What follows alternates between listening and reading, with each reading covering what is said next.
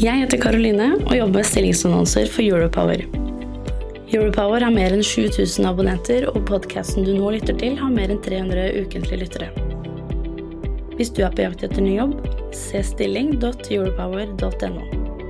Ta også gjerne kontakt med meg dersom du ønsker å annonsere ledige IT-stillinger i fornybar energibransje.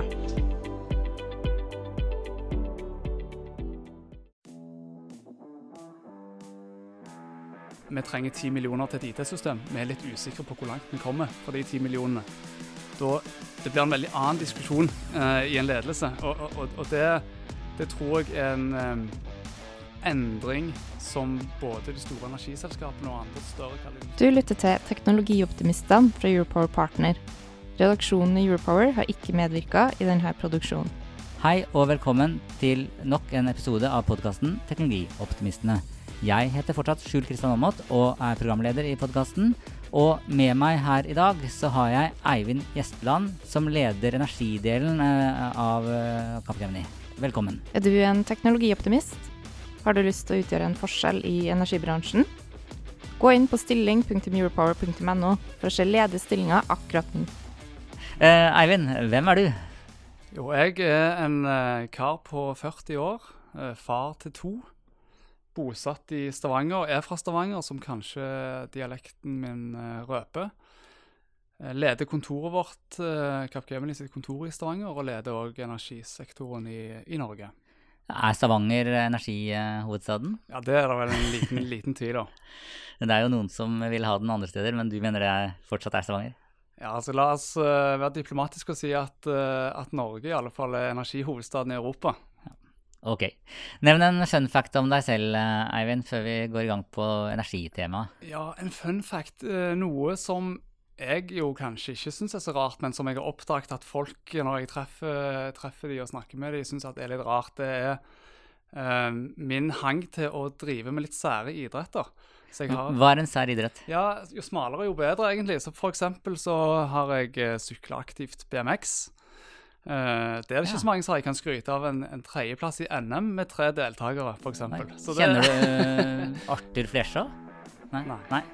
Eh, en jeg kjenner som, fra Stavanger som også sykla BMX. Men, ja, det er et lite BMX-miljø i, i Men han er, han er, nok ti år eldre enn deg. Ja, nettopp. Ja. Fortsett, jeg avbrøt. Ja, nei, det var vel egentlig mer, mer det med de sære idrettene. Jeg begynte, jeg liker jo å prøve nye ting, lære nye ting trenger ikke være så fryktelig god. Eh, så jeg begynte å løpe orientering tidligere i år. Eh, veldig artig. Prøve nye ting. Så det er litt sånn eh, min hang til litt smale idretter, kanskje. Det gjør også to av døtrene mine. Løper orientering. De er fem, nei, seks og syv år. og de har forklart meg at orientering og gøy, det blir o-gøy. Ja, akkurat. Så de går på o-gøy. Ja, ja. Syns de det er gøy? Jeg syns det er veldig gøy. veldig vanskelig. Forrige løpet jeg var med på, var vel eh, normert til 2,9 km, og jeg løp 6-7. Så det, det, sier vel litt om forbedringspotensialet. Ja. Nei, men Da er det BMX og orientering på deg. Um, hvordan vil kollegene dine beskrive deg? Jeg tror de uh, beskriver meg som um, en som holder det han lover, en som liker å få ting gjort. Jeg har jo sjøl veldig stor tro på, på frihet under ansvar, og liker å gi eh, mine kolleger eh, stort ansvar. Eh, og, og, og, liker òg å ha stort ansvar og ha stor frihet. Har det vært utfordrende nå med, med hjemmekontor, det, det ansvaret og friheten? Ja, som, eh, ja, jeg tror det er litt sånn todelt. Jeg tror de som syns at dette er en, en De som liker den friheten, har, har syntes at det har vært helt topp. Og så tror jeg det er andre som nok liker tryggere rammer og tettere oppfølging, som sikkert har hatt det veldig vanskelig. Så jeg, jeg, jeg tror nok uh, du finner begge deler. Så hvis man begynner i Capgemini og begynner å jobbe med deg, så får man frihet under ansvar? Absolutt. Visste du at teknologioptimistene i energibransjen nå skal møtes for erfaringsdeling og nettverkbygging? Gå inn på teknologioptimistene.no for mer informasjon om energibransjens IT-konferanse. Eh, over på det vi skal snakke om i dag. Eh, målgruppen for denne podkasten er jo IT-beslutningstagere i energibransjen. Eh, du jobber i et eh, teknologi... Eller Capgemini er jo kjent for å være gode på teknologi, og så jobber du med energi. Hvilke store valg og beslutninger står energibransjen i akkurat nå når det gjelder IT og software? Ja, jeg tenker jo at for å kunne svare godt på det, så må man tenke litt på hva er på en måte de store endringene og transisjonene bransjen går igjennom. Og flere av de kundene som vi jobber med, kommer jo kanskje fra mer tradisjonell olje og gass, så skal man bevege seg over i, i noe nytt, fornybart, eh, med helt, helt andre eh, marginbilder, f.eks. Det stiller òg krav til IT-sida på en annen måte enn, enn for en tradisjonell olje og gass. Man må Uh, en ting er at man må kunne mer, gjen, uh, gjøre mer gjenbruk av, uh, av, fysiske ting, men man må kunne gjenbruke IT-sida mye mer, tror jeg, og, og, mye mer basere seg på standardiserte komponenter og mindre skreddersøm. Betyr det, eller hvis jeg skal prøve å tolke deg, så, bruk, så, kunne man bruke mer penger på IT i olja enn i fornybart? Ja, altså Marginbildet er jo ganske, eller iallfall i et normalt kall kraftmarked. Nå er det litt uh, spesielle tider akkurat nå, men i et normalt kraftmarked så vil man jo ha uh, mye lavere marginer når man driver med offshore vind f.eks., sammenlignet med tradisjonell olje og gass. Og det, det, det må gjennomsyre hele organisasjonen og måten å tenke på IT. Men, men, så sier du det å gjenbruke. Eh, vil ikke det gjøre at man får mye teknisk gjeld? At man, at man ikke får utvikla seg fordi man må henge tilbake, henge igjen i, i gammel moro?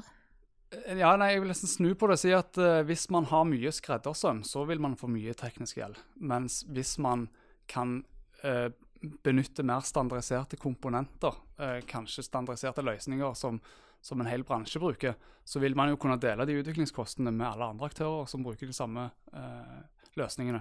Så jeg tror heller det, jeg, jeg, vil nesten snu det på hodet. Eh, og så er det Selskapene går jo fra, fra olje og gass over på fornybart. Menneskene gjør også det. Og hvis de har vært vant til én måte å jobbe på, én måte å bruke penger på, én måte å kjøpe produkter og tjenester på, hvordan eh, oppleves det for, eh, for bestiller å måtte plutselig bestille på en helt annen måte? Ja, det er kjempe, kjempegodt poeng. Eh, kjempestor utfordring som jeg tror jeg, jeg, tror egentlig ikke det bare gjelder energibransjen. Jeg ser det i alle fall hos andre typer kunder vi jobber med òg. Og kanskje spesielt kall det det som vi liker å kalle for asset heavy. Altså kunder som er i en industri der du typisk investerer i et stort produksjonsanlegg eller noe som krever mye kapital, har har jo en måte å tenke på og jobbe på uh, som er litt annerledes enn mer kall det agile um, måter å jobbe på som, man, som stadig flere adopterer innenfor, uh, innenfor IT. Hvis du, hvis, du, tenker deg at man har beslutningsprosesser i selskapet som er bygd opp rundt at man har uh, f.eks. hvis man bruker olje og gass som et eksempel, da, har identifisert et oljefelt man har fått alle tillatelser man skal ha. Man går i gang med å, å, å designe det, detaljingeniere det osv. Før man um, Før man til slutt får bygd kall det produksjonsfasiliteten. For, å, for, å, kunne ta de beslutningene, så har man jo gjort noen beregninger. Uh, hvor man allokerer noe kapital som man skal få tilbakebetalt på et eller annet tidspunkt. Det er en veldig annerledes måte, de beslutningstrinnene man har i en sånn prosess, sammenligna med, eh, med, et agilt IT-forløp, hvor man f.eks. kan um, kan uh, be beslutningstakerne om vi trenger 10 millioner til et IT-system. Vi er litt usikre på hvor langt vi kommer for de 10 millionene. Da, det blir en veldig annen diskusjon uh, i en ledelse. Og, og, og det, det, tror jeg er en um, endring som både de store energiselskapene og andre større industrikonsern uh, syns er vanskelig å håndtere. Mener du det er en riktigere måte å jobbe på? Altså det å si vi, vi trenger 10 millioner, men vet ikke helt hvor langt vi kommer? Ja, altså det som er for IT, hvis vi skal sammenligne det f.eks. med kall det eh, en offshore-installasjon som står på havbunnen. Når man har bestemt seg for hvordan det, eh, den produksjonsfasiliteten skal, hvordan det skal fungere, så er det ganske få parametere som endrer seg ifra man har tatt en beslutning og til uh, produksjonen er iverksatt. Sånn, trykk i brønnen kan endre seg, men, men, ellers så er veldig mange av parametrene rundt ganske satt. Sånn er det ikke i det hele tatt i IT-bransjen. Der er det veldig mange bevegelige deler. Et, jeg skal gi deg et kjempegodt eksempel som, som, som kanskje beskriver det. Vi hadde en kunde som hadde en app med mange tusen brukere. Uh, og disse brukerne hadde jo lasta appen ned på sin telefon. fra en dag til en annen så feila hele appen. Og ingen skjønte hva hadde skjedd. Ingen hadde tukla med appen. Ingen hadde gjort noe videreutvikling. Ingen hadde satt noe nytt eh, i produksjon. Men det som hadde skjedd over natten, var jo at Apple hadde lansert en ny versjon av IOS, som er operativsystemet. Og i den nye versjonen av IOS så var det da selvfølgelig noen endringer som gjorde at appen feila. Så ingen hadde gjort noe galt, allikevel så funker ikke, eh, funker ikke løsningen. Og det er bare ett eksempel. Det er veldig mange av lignende kall komponenter en applikasjon er integrert med, og alle disse er i bevegelse hele tiden.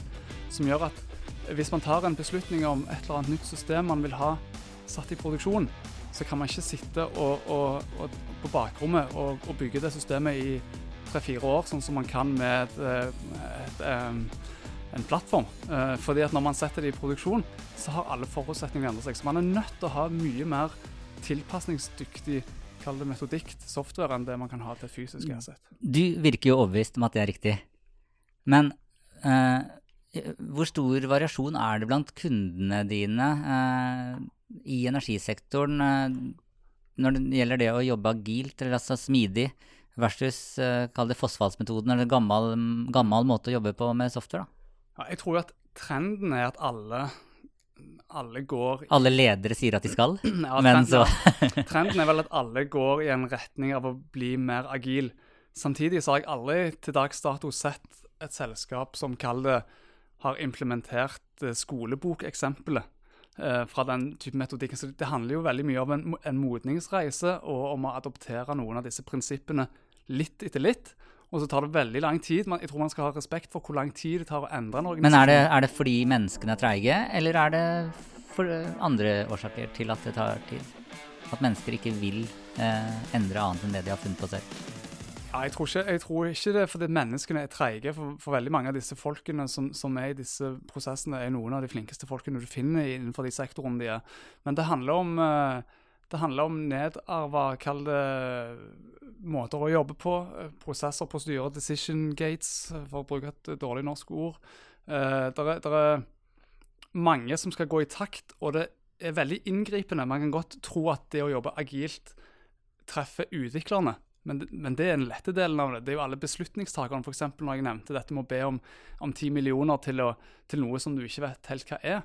Det er jo en, ofte en økonomifunksjon tema. Sant? Så det treffer veldig bredt i hele organisasjonen.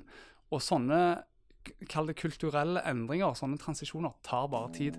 Visste du at teknologioptimistene i energibransjen nå skal møtes for erfaringsdeling og nettverkbygging? Gå inn på teknologioptimistene.no for mer informasjon om energibransjens IT-konferanse.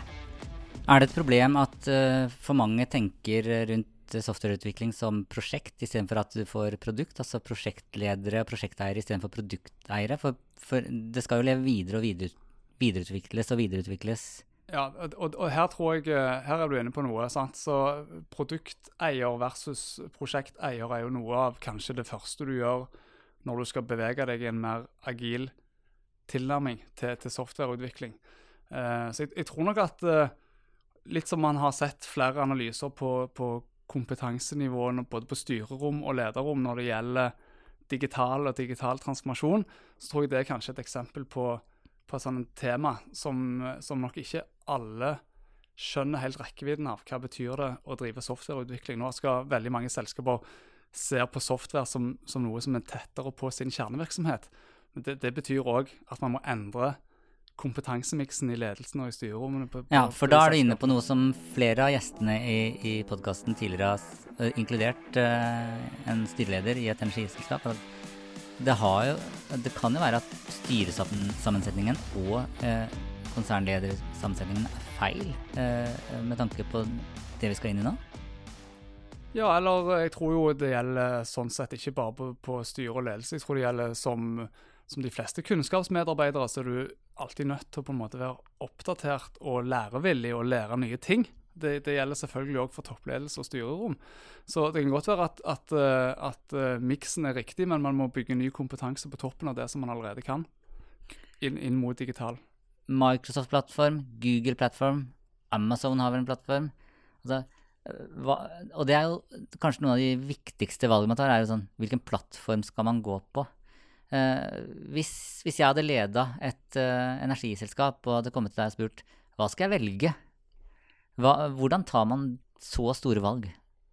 Ja, jeg tror eh, det er et veldig stort spørsmål. Eh, som, eh, og sikkert et spørsmål som andre med mer teknologisk kompetanse enn det jeg har, kan, kan svare deg enda bedre på. Men mitt, mitt svar ville jo selvfølgelig blitt at eh, for det første så er det ikke sikkert du skal velge én av de tre som du nevnte. De tre du nevnte, er jo de tre dominerende i Norge. De har hver sine fordeler og, og, ulemper, og man må forstå hvilken som passer best for hvilke deler av behovet man har. Og så kan det godt være at man ender opp med kanskje alle tre, eller to uh, av dem. Men jeg tror det som er det virkelig viktige i den typen valg, er jo å skjønne hvilken forretningsverdi er det man vil ha ut. For det å bare flytte det man har fra kjelleren opp i skyen uten å gjøre noe mer, gir deg begrensa verdi, enten plattformen heter det ene eller andre. Men det er hva er den kalde forretningsmessige innovasjonen du kan drive på toppen av det, som virkelig eh, skaper verdi for selskapene. Har du forelska deg i, en av disse?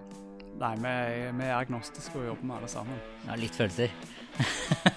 Akkurat eh, når det gjelder teknologisiden av, av, av, IT, så er det nok andre som er mer begeistra for å grave seg ned i det. Jeg er mer opptatt av det forretningsmessige, egentlig. Mange, mange aktører har utviklingsmiljøer i eh, Ukraina. Eh, og disse utviklingsmiljøene er jo naturlig nok blitt ramma av krigen.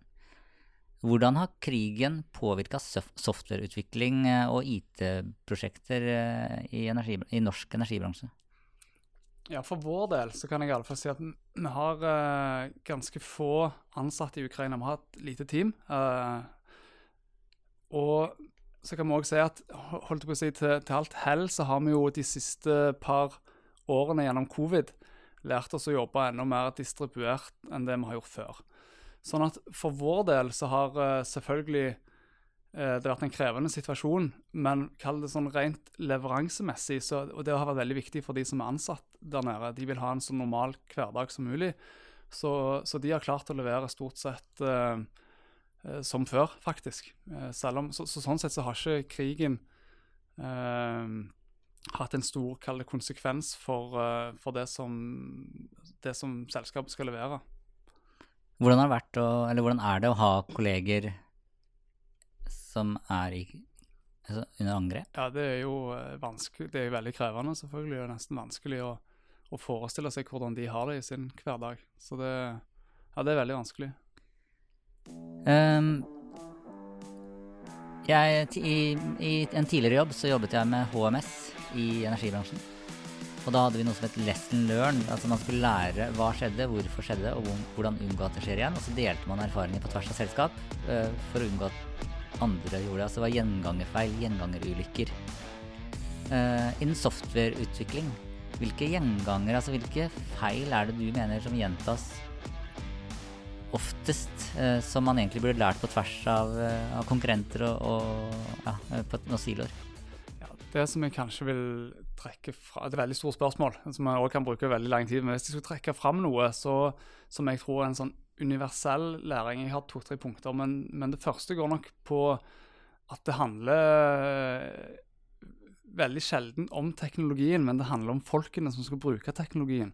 Så man kan, man kan bruke fryktelig mye penger på teknologi uten at man klarer å ta kalle verdien ut i etterkant, hvis man ikke får folkene med. Folkene må skjønne uh, hvorfor. Sånn start with why, som, som Simon Sinek sier. Og, og, og, det gjelder òg når man på en måte Alt fra design, hvordan skal det se ut, hva, hva er problemet man prøver å løse. Altså Begynn med folkene. Uh, det er kanskje det viktigste. Teknologien er i hermetegn det lette, eh, når du bare skjønner hva er problemet man prøver å løse med teknologien. Så, så det er i alle fall en litt sånn gjenganger. Hvis jeg skulle trekke fram en annen, så er det vel Jeg tror det er mange som prøver på veldig eh, De prøver på litt for mange ting på en gang.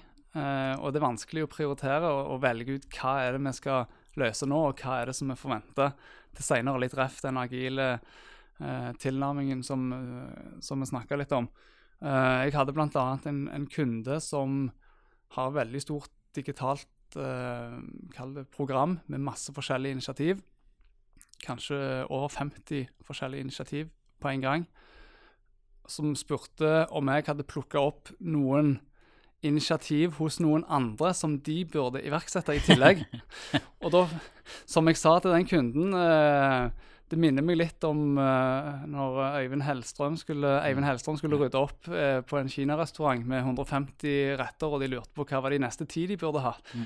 Svaret er nok ikke at du trenger å iverksette noen ytterligere initiativ, men det du trenger, er å sette de du har, inn i et system, sånn at du er sikker på at du begynner med det riktige først, og at ikke du lager en eller annen løsning som, som ikke skalerer, eller som henger litt i løse lufta, for alle forutsetningene for at du skal ta ut verdien av den løsningen, er ikke på plass ennå.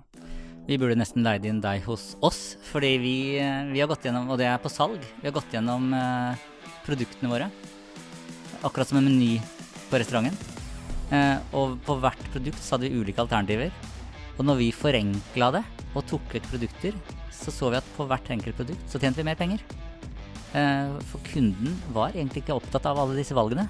Det tok bare lengre tid for kunden fordi fordi man måtte velge. Ja. Så kutt, uh, kutt ja. i initiativer for, for og gjør det bra, det de skal. Akkurat. Færre ting på en gang. Færre ting i parallell. hva er det, hvilke utfordringer mener du gjenta stofter som dere i Capgemini er ute og løser for kundene? Ja, det var et, eh, det var et eh, stort spørsmål. Det er bare store spørsmål her i dag.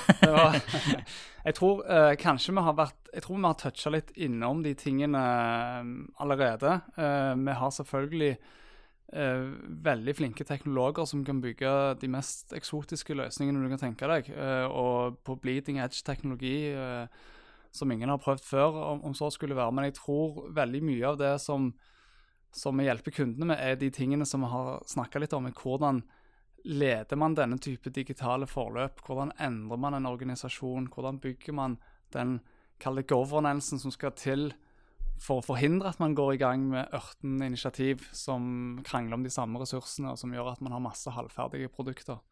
Um, så det hele den kalde ende-til-ende-biten fra skrive for å lage planen og, og, og, strategien i den ene enden, og helt ned til å gjennomføre det i form av kodelinjer og testing i andre enden. Og så er det en, noe som jeg brenner mye for, som, uh, som handler om å dele data. Eh, og både olje og gass og fornybarbransjen eh, mener selv at de må bli flinkere til å dele data på tvers av selskap. Altså, greit nok så er man konkurrenter, men man kan dra, dra gevinster ut av å, å dele data. Eh, hvorfor deler man ikke data? Ja, det tror jeg òg. Det, det, er et spørsmål med, som man må bryte litt opp, tror jeg, for å, å på en måte skjønne kompleksiteten i, for, for, å kunne svare. Sant? Det er jo Uh, noe av det er nok pga. Eh, legacy, som man kaller det. Altså, det er en arv her med 50-60 år. og da handler det om teknologien og ikke menneskene? Ja, ja. sant. Så Equinor fyller vel 50 år i, mm. i disse dager. Eh, og har eh, ditto antall år med data eh, som, eh, som har blitt generert opp gjennom de 50 årene. Eh, som jeg tror for mange selskaper av en viss størrelse så er, er det vanskelig nok bare å få delt dataen internt i selskapet, mellom siloene i selskapet. Ikke fordi man ikke ønsker å dele data, men fordi det rett og slett er teknisk ganske vanskelig å få til. Og så er det sånn et dilemma av hvor mye av den legacyen skal man bruke penger på, framfor å se framover heller og bygge løsninger som sikrer at man i alle fall deler framtidige data. Sant? Så det, der, eh, Den legacy-biten kommer man, kom man, ikke utenom.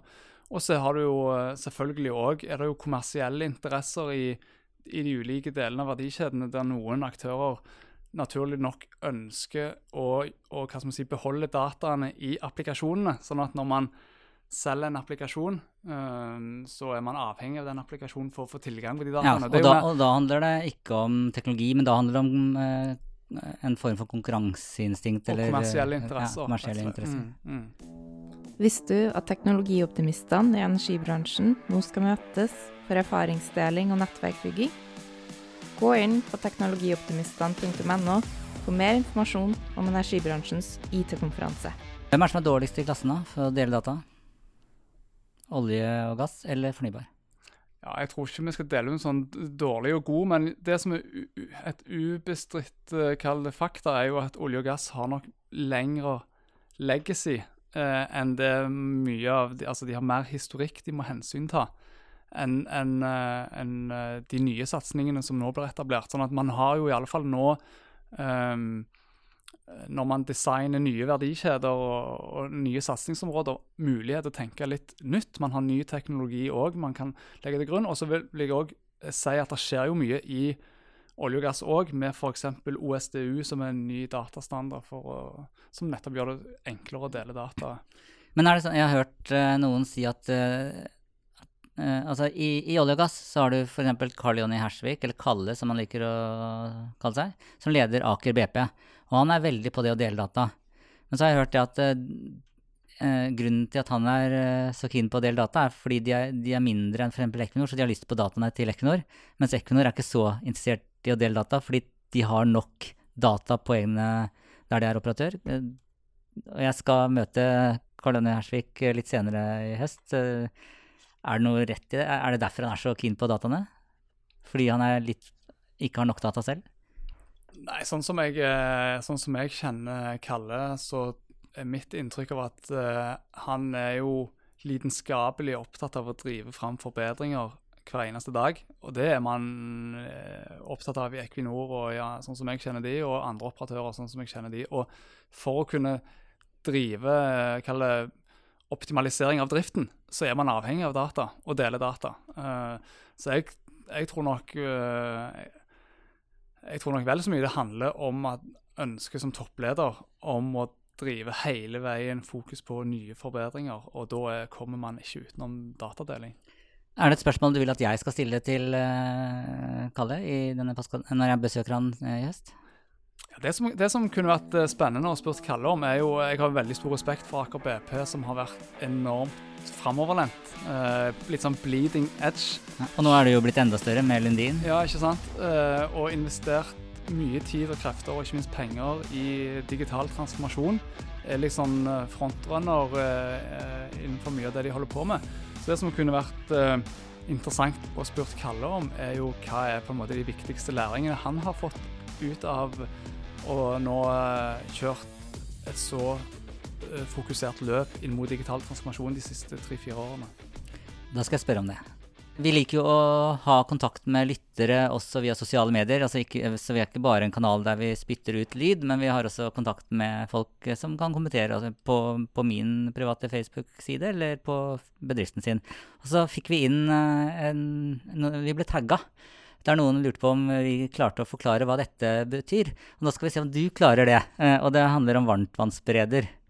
Eh, IOT-klare varmtvannsberedere gir helt nye muligheter for måling, overvåking, styring, automasjon og digitalisering i distribusjonsnettet, og for realisering av samordningsgevinster mellom delsystemer som kan integreres i et helhetsperspektiv. Hva menes med det?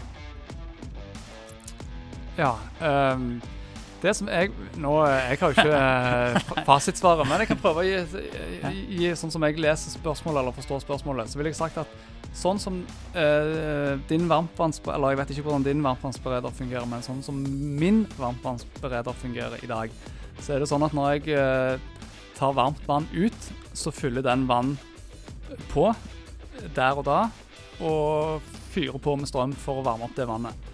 Hadde denne varmtvannsberederen vært et par knepp smartere, og det er da teknologi som i stand setter den til å være i dag, så kunne han ha fylt på vannet når du bruker det varme, men han hadde ikke trengt å fylle det opp før strømprisen eller nettbelastningen totalt sett sa at nå er tiden inne for å varme opp vannet i berederen. Fordi at du trenger den forresten ikke Du trenger ikke det varme vannet før du kommer hjem fra jobb allikevel, eller, eller en eller annen eh, logikk bak det. Mm. Ja, jeg, tror du, jeg tror du er inne på det. Eh, da var det en annen, da. eh, Torbjørn Omne, eh, det var Henriette Hedløv som stilte spørsmålet. Torbjørn Omnes, kommunikasjonssjef i Skagerrak Energi, svarte. Mitt forslag, denne, varm, denne varmtvannsberederen kobler ut, strømmen, nei, kobler ut strømmen når den er dyrest. Det avlaster både strømnettet mitt og lommeboka di. Det kan du sitere meg på skjul. Så det var vel egentlig det du sa. Det var en litt enklere måte å forklare det på enn det jeg gjorde, men ja, det var, det, det var noe i samme gata. Det var en digresjon, men jeg lovte å ta det med. Og, og, og når vi har lovt eh, folket der ute på sosiale medier at vi skal ta med ting, så gjør vi det. Mitt aller siste spørsmål til deg, det er uh, ja, hvilken datamaskin uh, som var din første? Min første datamaskin var en Amiga 500. Hva var din første? Ja, jeg mener å huske at det var en Commodore 64. eh, hvis det kan kalles en datamaskin, Ja, ifølge, liksom, hvis du sammenligner med dagens, eh, dagens teknologi. Men det var med kassettspiller og, og lang ventetid for å kunne laste inn et, eh, et spill, husker jeg. Så Da kunne kan du starte den før middagen, og så kunne du begynne å spille etter. Yes, stemmer det. Så bra. Da sier jeg tusen takk til deg, Eivind Gjestland fra Kappgemini, for at eh, Og nå skal ikke jeg si for at du kom til oss, for det var jeg som kom til dere, men tusen takk for at jeg fikk komme til dere og intervjue deg. Veldig hyggelig å bli kjent med deg sjøl. Visste du at teknologioptimistene i energibransjen nå skal møtes for erfaringsdeling og nettverkbygging? Gå inn på teknologioptimistene.no for mer informasjon om energibransjens IT-konferanse.